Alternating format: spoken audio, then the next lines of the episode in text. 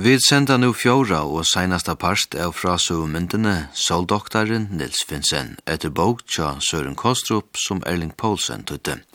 Jeg var Arge og Sjone Silfoss letja til rettes.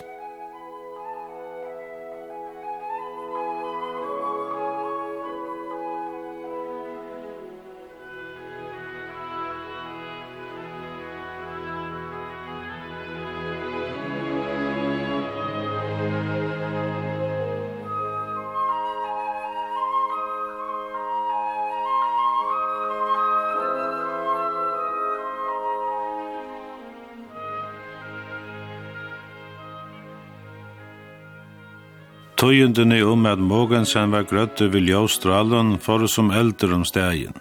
Lopus sjuklingar i hundratallet, bæg i Danmark og utlandet, skriva og leita av til Nils Finsen, de bøna og baua han om å få av vidtjer. Jeg har just gjørst eva beina fire mer til jeg frattig om vidtjer tiara. Hjelpe mer, tiden er min senaste møllage. Så la jeg skriva en ung jenta, Men hvordan skulle den fatakje Nils ensam alle kunne hjelpe henne og alle hinnon som var nøvd av lupus? Det kostan ekva grua Mogensen, og henda vidtjer hei ikkje bore til utan velvild fra elverkjennom. Skulle lugan eg el mei og tog til hver einstaka vidtjer, bæret det ikkje til. Lakna serfrøyngar våre tredjer, tar hildi at det var bare tilvilda med avrum var lekter og får ikkje at endertega seg. Finsen var unger, og heva skuld jo i hove at skosmal hansara til laknarpregve var ikkje at han var beste. Og så var han eisne så erspen at han helt at han visste meir om lupus enn professoren i husjukon. Fra starfellonen skulle han så ikkje råkna vi større i stole. Nils får til atter til elverkstjåren Winfeld Hansen, og han kord han ikkje ut. I husker jeg veit kan veita enn jeg hjelparhånd. Jeg fer jeg heita av Hagemann og Jørgensen, og jeg fer beina vinnjene gulvet til Taimon. G.A. Hagemann og Wilhelm Jørgensen var i åtta menn i dansk og utnægnen. Da var mikvante og framtagshoa i menn, og i bergi høtt i hoved rad til å stola hoksjånar endamalen. Winfeld Hansen hever då vel a bera malet fram, og berfoar de er sættene fikk Nils Boom at gjerra et oppskått om en ljøsstavn, et ljøsinstitutt. Nils skriva i til Bajasuin. Fyrir mer er rett et eventyr. Det verður gjørst som jeg vil hava det gjørst, og verður bægi røntastova og vidgjera ståner fyrir lupus. Nils fekk pengar til tål og ambo og til a løna hjelparfølse. Kjøpmannhavnar kommuna lad han få en i hus a roa iver og avkjeipis elektrisitet vid tarri treid, at han vidgjørte sjuklingar i kommunene fyrir jantjum. Nu var han så sera väl fyri att han kunde släppa starven under universiteten. Han är i fasta årslön og nøttist ikkje at hugsa som eik inntøker. Det er gikk kjøtt av Bidjastaunen. 23. oktober 1896 var Finnsens medisinske institutt sett av stavn. Stavneren skulle kanna hver jo averskan ljós i heia livande verer, vi adlite til a nøyta ljósstralenar i lakna vysundene. Ein barack var bygd i gæren under kommunehospitalen. Hon var innrettet som rannsøknarstova. Jeg var arbeid utan slid fra klokkan tjeja måttene til klokkan tjeja kvöldu. Grunnstitje var bygd alt som det var. 25 sjuklingar kunde vidgjerast om dagen, men vidgjeren tjekk var en anstøkken var så drygg er flere hundra folk stod i bojelistamme. Ta halt var vel i nøttes Nils Finsen a om penger til en barakka træd, her plass var fire fyra nødjon lampen. Esa lamper skulle vidgjera fyra sjuklingar i senn.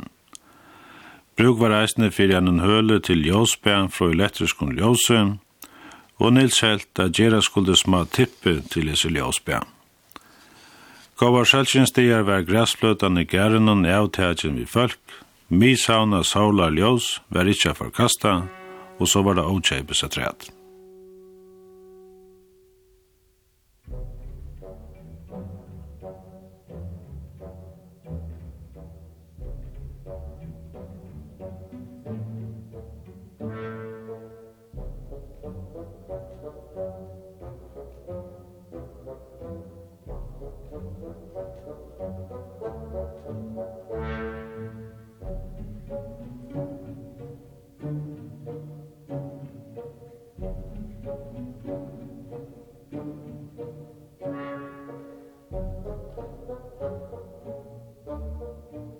Vi tver inna gulv via tuttet, som rannsøknarstovan var nevnt middelen viner av vordav i 1895.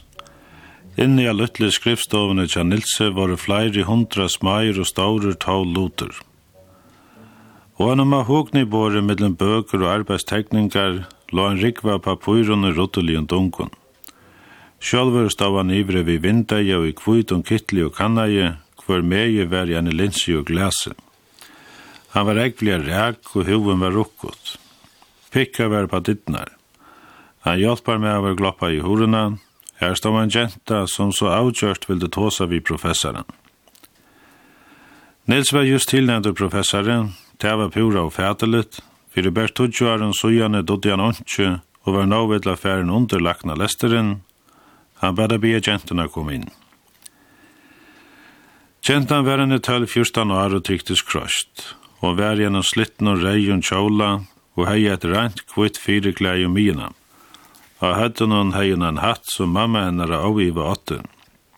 Da tatta slør i hatten om var drien i fyrir anlite, og Nils tala i til henne. Har vi sett det fyrr? Gentan risti og hadde noen.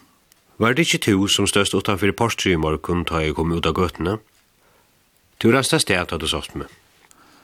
Gentan sier nei i fjoltorstundjen. Hvordan eitir du, Lutlammen? Kjentan sværa i at hun er Ragna. Ragna, sier du. Jeg kjente jeg en verande jento som er Ragna. Hvordan gammel er du? Trettan var et halvt og arve svære. Kom her, uvis maran anlite. Men gentan var standande, og hun fanglaist vi akkurst. Nils visste at områdande vær, at gentan er i alidasar og sette seg nyr. Hva er du i håndene? Gentan sværa i at hon er en etnestein og ratt i honom han. Og hon græti fra at hon er i finnjan fra papasunnen, han er i sjálfur funni han oppi i fjöllunum, og steinere var nevnt kvarts. Kvarts, sier Nils, og held steinen opp mot ljósunnen. Han satt lunch og hugt i atunum og tøktest bortur i jøren heime, til enda han sier gentan at Nils godt kundi eia steinen. Solarljósi skikti djøgnen kvartsen, eins og djøgnen anna glasprisme, og litene var nek klarare og vekrare enn han negrante jo over hei seg. Då han rakna i vi hei gentan smoksar og domdittnar, og nils så han i tjatter.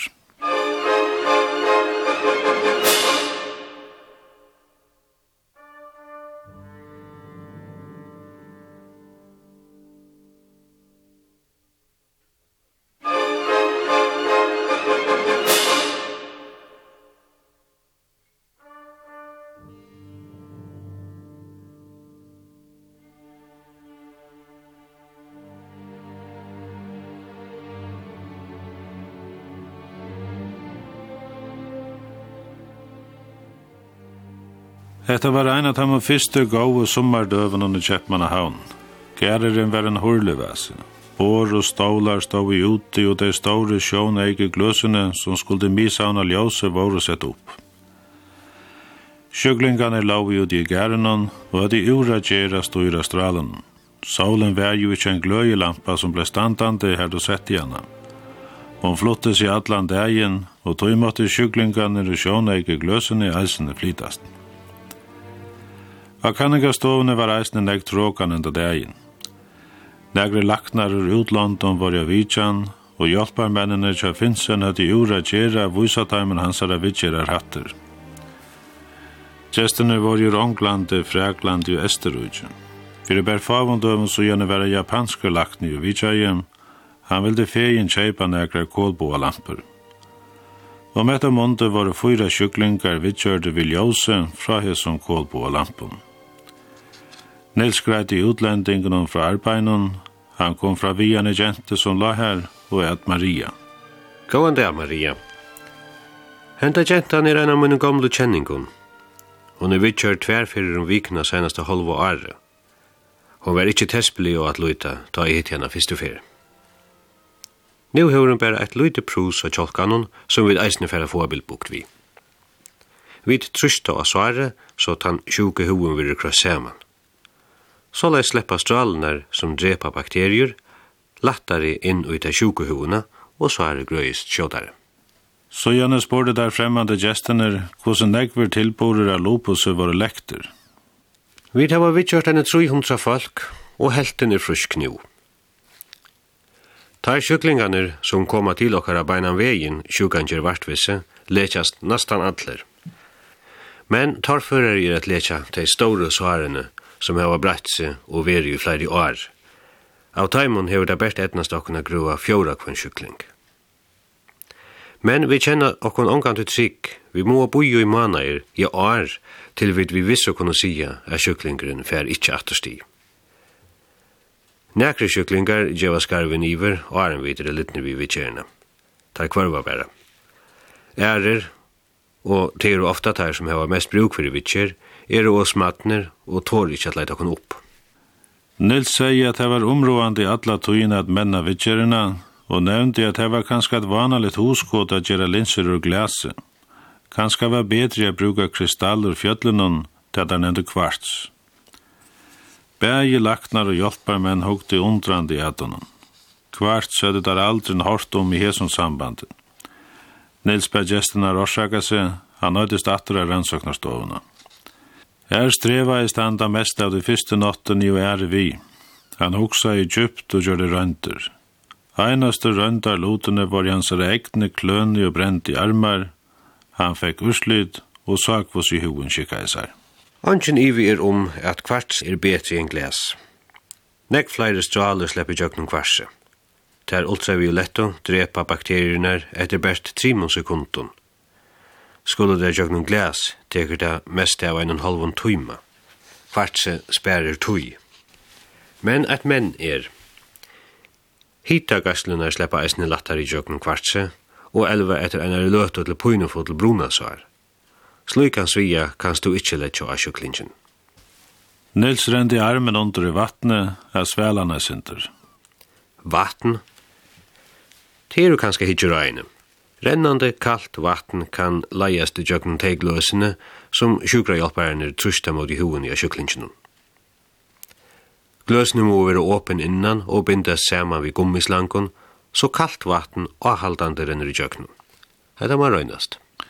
Han fekk tålige rikka. Hit en kvarv som var gantur oppi ui. Nu kunde sjuklingren utan a få poinne få na gaslingu var så sterk. Jeg fekk at via petti anna sluka en strale for å ruke urtøy og at enda kom eldre ut av. Ved den nødvendige oppfinningene kunne Nils grua smal lupusar etter 20 minutter.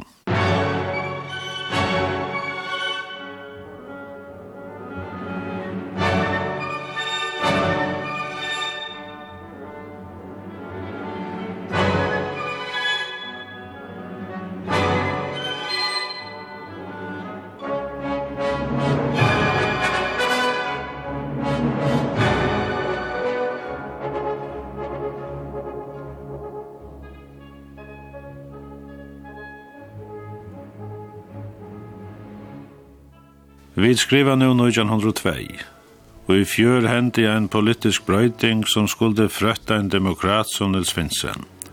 Venstreflokkeren fikk støtna reie, konkur hei loksen skilt at det bærer ikke til å leta minneloda styra landet under mange år. Danmark hei finnje folkareie, en god byrjan at han nudje mentanar öldena, Nu vusendalige framstigene og velstander fyrir allmøvuna skulle komme stegin fyrir svangt, fadagra dømi og krutsk. Og konkur, ja. Vi nilse var stor brøyding hend, he som fyrir så framfustna vinstrahatla manne. Nu vidja i kongshus jan i heilen. Selja kronprinseren, tan sættne frurikur åttande, er ofta av stavnunum. Han er i ståren ahua fyrir tøy som finnes en fekst vi. Da kongshus jeg i gjester utan ur heime, for de mengan vittamene av stavnen tja finsen. Öll de mange syskjene tja kronprinsunnen, så var det gift inne kongs og kaisar hus om alt i Europa, gjør det så til at tavlene tja finsen var det selv til utland. Den nødja kvartstavle var nu sett opp av nekvon sjukre hus omkring Atlanheim, rett nu i Berlin, London, Paris, Moskva, New York og så framvegis. Og i Danmark hava nesten tusen folk finnes vidtjer seneste 5-6 årene, som ligger nere så gjennom Mogensen var grøtter. Og folk kommer ødl og natten, ja helt ur Sjor Afrika leita seg hjelp. Baratjenara og er lengst gjennom varnar og tronkar, og en nudjur stauner er bygter ut i strandboulevarden og Esterbrygg. Da fyrst i hatt av hesson stavne, bant opp i iver rannsøknar stovene, er han uibogjar til Nils Svensson. her i han, konan Ingeborg og tarra truipaden. Heiers merker i haupa tal gjer fallen honon i lot, rittara krosseren tja tarre franske heiers legionene, kommandør krosseren tja de preussiska kravnefjellanen, heiers merker i gudle, danske rittara krosseren også framveis. Men det som frødde Nils mest var kortene til mange brøvene han fikk fra gamle sjuklingen, som var slappner pura frustjer heimater. Jeg kan ikke tida langer. Tida må årsaka at jeg årek ved professoren ved gjennom brevet, men en stor glede fer meg å takke pennen i hånd. Til en stor frøye fyrir meg at jeg er frusker. Det var godt at professoren fann opp på det rette tålet. Tida takksamme sjuklungur Peter Thomsen, Svenborg. Jeg sendte det jo samståndes en kasse av sureplun, og vågne at han gagnas tion og tikkara. Peder Thomsen skriva i heilom brev til Nils Finsen, og sendi enn flere gav surepli av fyn. Heldur professoren ikkje at det nu er fruskur. Troi år er lien så jeg var lektor. Nu kan kjøtt angen suttje at jeg vi haft lopus. Til jeg har meg allmykje i det at lese i bløvenon at professoren er itla sjukur. Mer tidsi sint ut i hon, og i hugsi om alt a gåa tina vi gjørt fyrir ånder, men framvegis mot hon sjálfur pynast. Jeg er ikke så innelig at vysenden finner okkurst vi kan vera tion til beta.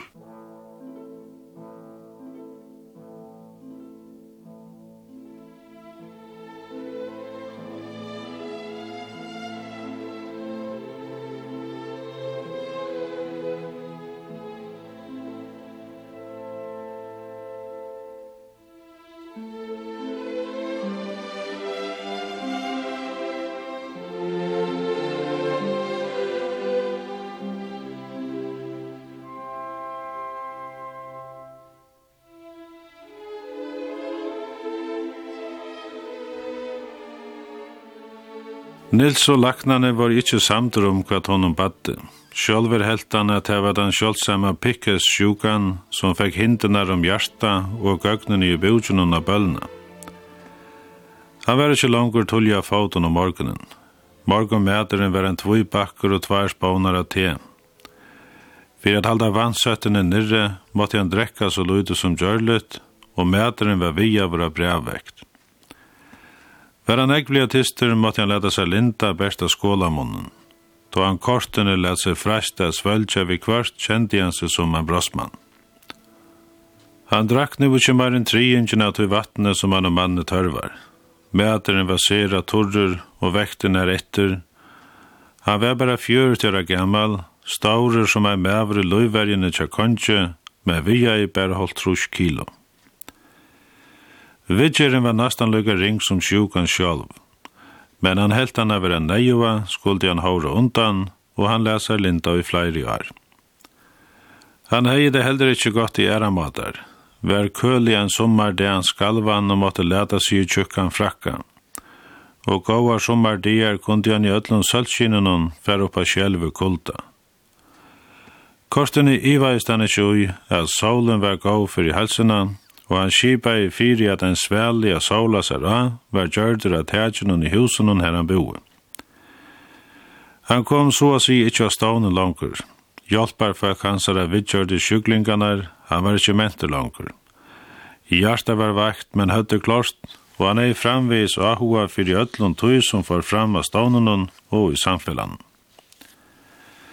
Sædna parten skriva i en brøv, så gjerne hei han stottar funder vi hjelpar men søgnar, Han lydde jeg til som tar at jeg sier, nekka jeg, men tåsa jeg så lydde som kjærligt. Han kunne for han og dom aftur rullestålet. Om kveldet satt han til bøttene Han orska ikkje lesa fyrir dem, men skær og smuja i der fittaste leiker til dara, som han fyrra i kjørtle syskjen i havn. Havast han var veikur, og menga nottuna lå i anvekre fyrir pøyne, bant han ikkje fri. Nødj huskot kom i heilum fram fyrjan, og tei skriva jan på en blokk som han alltid hei litjande vid søngjena. Eit som han skriva i oppvær sjálbægine, og i nøkker år hei han lete nekrar av sønnen lopus sjuklingum få ljøsbæg vid kålboa lampon om atlan kroppen. Særlig om vederen hei etta hjalpdæmon. Hentan oppdægingen er a vera brukt. Kan vera at hun fær større tutning enn koppsetting og lopusvitjer. Jeg må hoksa meir om solbærene.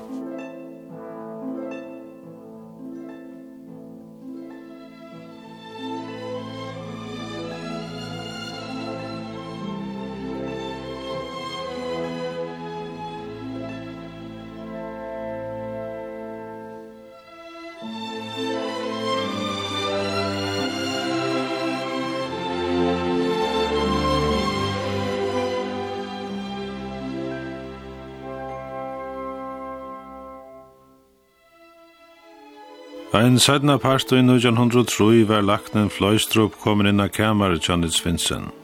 Fyrir tutsjende fyr skulle veta tappast ur bjudjunnen, og hetta måtte gerast utan døyving. Laknen hei stundje nalena inn under huvuna, men okkur tjekk fyre, og han fekk han ikkje udatter. Han var pura roa leiser og vala i frileiser om gulvet. Skulle han få analene ut, måtte Finsen under skor av sjukrehuset, og tett holdt i han vattla. Hva bægir? Fløystrup grødde fra om en treiut. Ingeborg fara grata, men sjuklingren visste regn. Send på ut av teknologisk lerianstalt etter en større magnet. Jeg skal røyna at litja pura kvirru så lunch. Laknen helt at dette huskode var kanskje einasta løsnen, skulle Nilse ikke dodja vinalen i bjudjunum. Telefon var ikke løgt inn i uibjona, så laknen måtte jeg sted av sykle. Ein sera lengan halvan tøyma sætne kom han atter, ein sterk magnet var sett av bjudgen, og ut kom nalen. Vi måtte i ötlun sunnum reglun drakk Nils etta kvöld i a glas av kvidvune og drakk skval fyrir honom som uppfann magneterna. Og til þess at hette ikkje skuldi hende øron, kjørte han langu daginn etter enn a nudja tryggare alla seta håla vi, og hette huskot hansara hever landse veri i brudgen.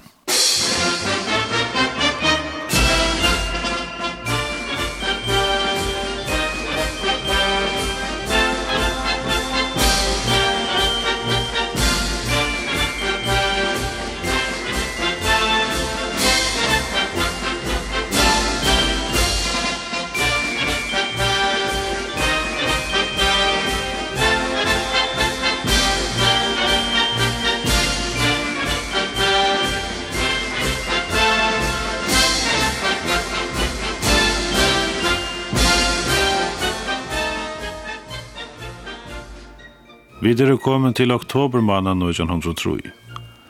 Ein velklatter mever, nekka vi altur, kjemme nian etter garsgøtene mot i uibuene til Nils Vinsen. Løtle soner Ingeborg og Nils renner av grassvøtlen og framma fyrir rannsøknarstoven og spiller fotbollt. Han fer eie av mannen og gjefst å spela. Kom her, Løtle Moin. Hva sier eit du? Drongeren verar at han heter Haltor og sier vi mannen at han kjenner han atter av frumørkjenen. Pura beint vær, Kristian Kongur nudgjende tog dronjen opp i fengje og sier vi han. Til lukke pappa din. Han er i det finnes Nobelheislønn. Det er den største heier som kan være en mann i og land til hans herre fire. Vi er i æren av henne. Nils Finsen var første danske rujusborgaren og den tredje iverhøver som fikk Nobelheierslønnena og lakna vysendon fra Nobelnevnden i Stockholmen. Vi heierslønene fyllte 141.000 kroner, det var en nekve penger til å døven. Nils Louis Sanjene, han orska ikkje sedast og punduse, og nå vil la tåsa, men eie hans er glekva var frø jo taksimen. Nå tåsa var öll om den kjenta danskaren Nils Ryberg Finsen.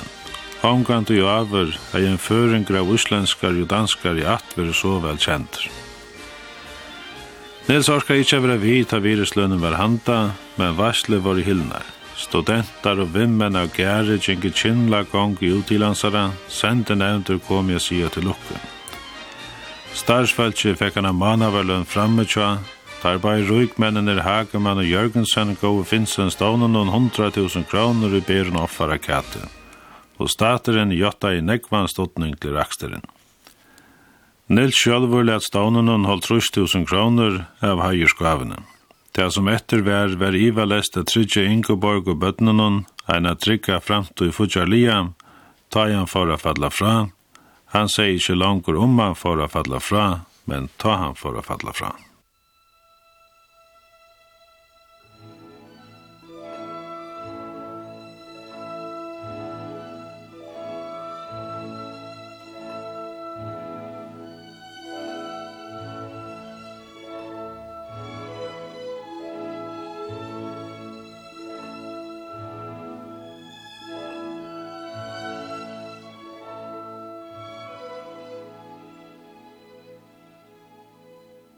Nu fölnar i gärnon tja Nils Vinsen. Blöjene färra kjøtta dette av trövonen. Ein sedna part er gott vever ut i. Nils sider i ruttlust i ljushälskinnenen.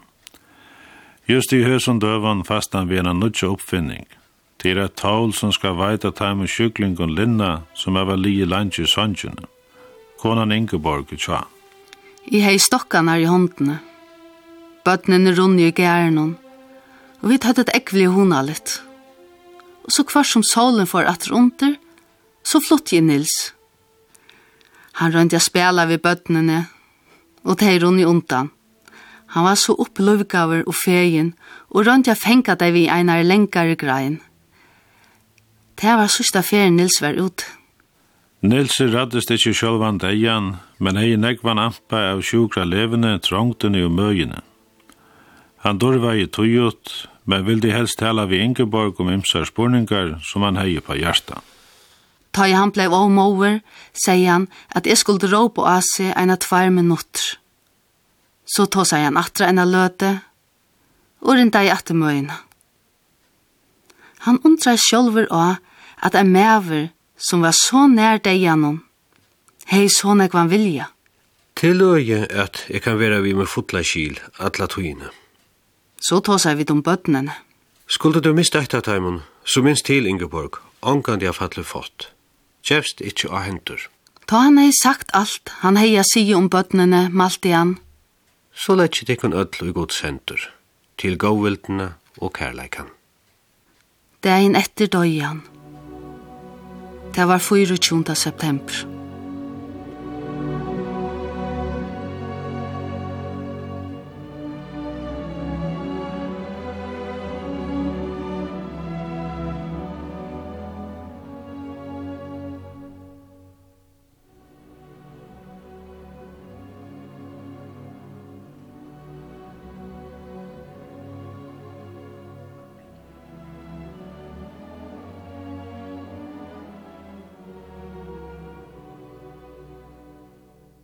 Av vestara kyrkjøgærje gjør kasta an. Nils Ryberg Finsen er sloppen til kvile, den ekve fölkjene og hava fyllt rakasar spekkel i kyrkjøgæren. Fremmanda mæveren og hever sunt Nilsi den seinaste heier takkar fyldarmanna sunnen. Laknar og sjúkrasystrar genga spekkel i at husun, hattur til arbeids, enn er nekv som skal få astra håndene. Fru Sonny og kjette hennare tøtla til husaratter av Sankt Anneplassen. Hon skal tjugla fyrir honom som nu hever til alt tjoene.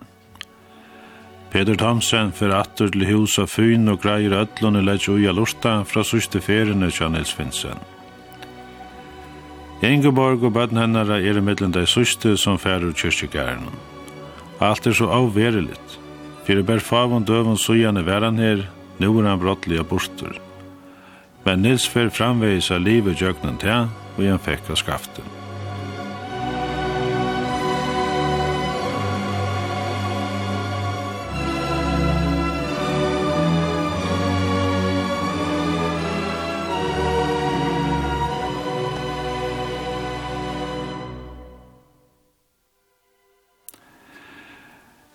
Mæveren Søren Kaustrup og i skrive hever hesa frasøgn er fødder i 1944. Jeg hei en granna og tjekk ut av Finsen. Fyrir okkon bøten gjørdes hetta åri av hona litt. Tøy ta grannen hei veri av Finsen nekrar ferir, døyan. Og i mange år heldt jeg at Finsen var som ein deians forgerur, men nu er det betur. Lupus er så godt som avkjent firebrygte av okkara døvun. Ljausi er en pastor av gerande stenon. Men krabbe er ein folkasjuka, og året Finsen er no einasta vevn og utsi tja mongon. Tja nøkron hever ståneren latt om pynina, og nøkron er og grødd av gosla vid gjerunon, de heva finnje her. Nekvar av australonon og i var og ikkje oppfunnar av Finsens døvun. Ta var det saulaknen og i sette gosla vid av stån. Nils Finsen kom ikkje vi elektrisk og hafjallsålene, men alle i grumpene og allheims mat i ønden for i ultraviolett ljøs, øyter øyn Finsen. Finsen oppfann ikkje solarium, men han hei hoksa om det. Spedl at det ikkje var leia Nils Finsen at oppliva bæg i strendunar av tremor vi glavun falkun og i saulasær, brun og holdunun og at lyta og vi sutt fruska luiv. Negv hava ilt vi a skilja at saulen bæg er vinur og futjende. Spurningeren er ikkje langur at få a fölka sola sær, men a få a tei ikkje a gjerra onnegv av. Laknaner hava langur varna stømi om hua kreft og sjaka av onnegvare sol. Nils Finsen rådde til at nøyda soluna vi kile og ikkje gjere onnegv av, tøy ta kundi kjøtt drepa huna.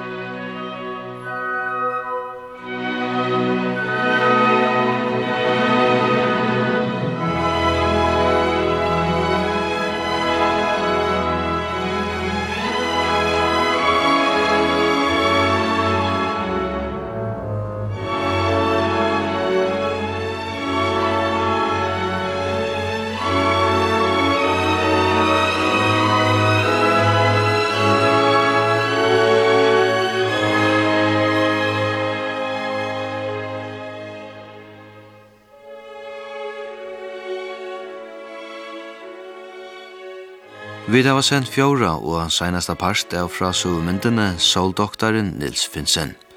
Og i sendingen har du vidt Jekvan Arkem, Uivar Iversen, Jon Heien Trøndheim, Ove Olsen, Randi Jakobsen, Elaine Johansen, Kara Olsen og Sona Merkestein.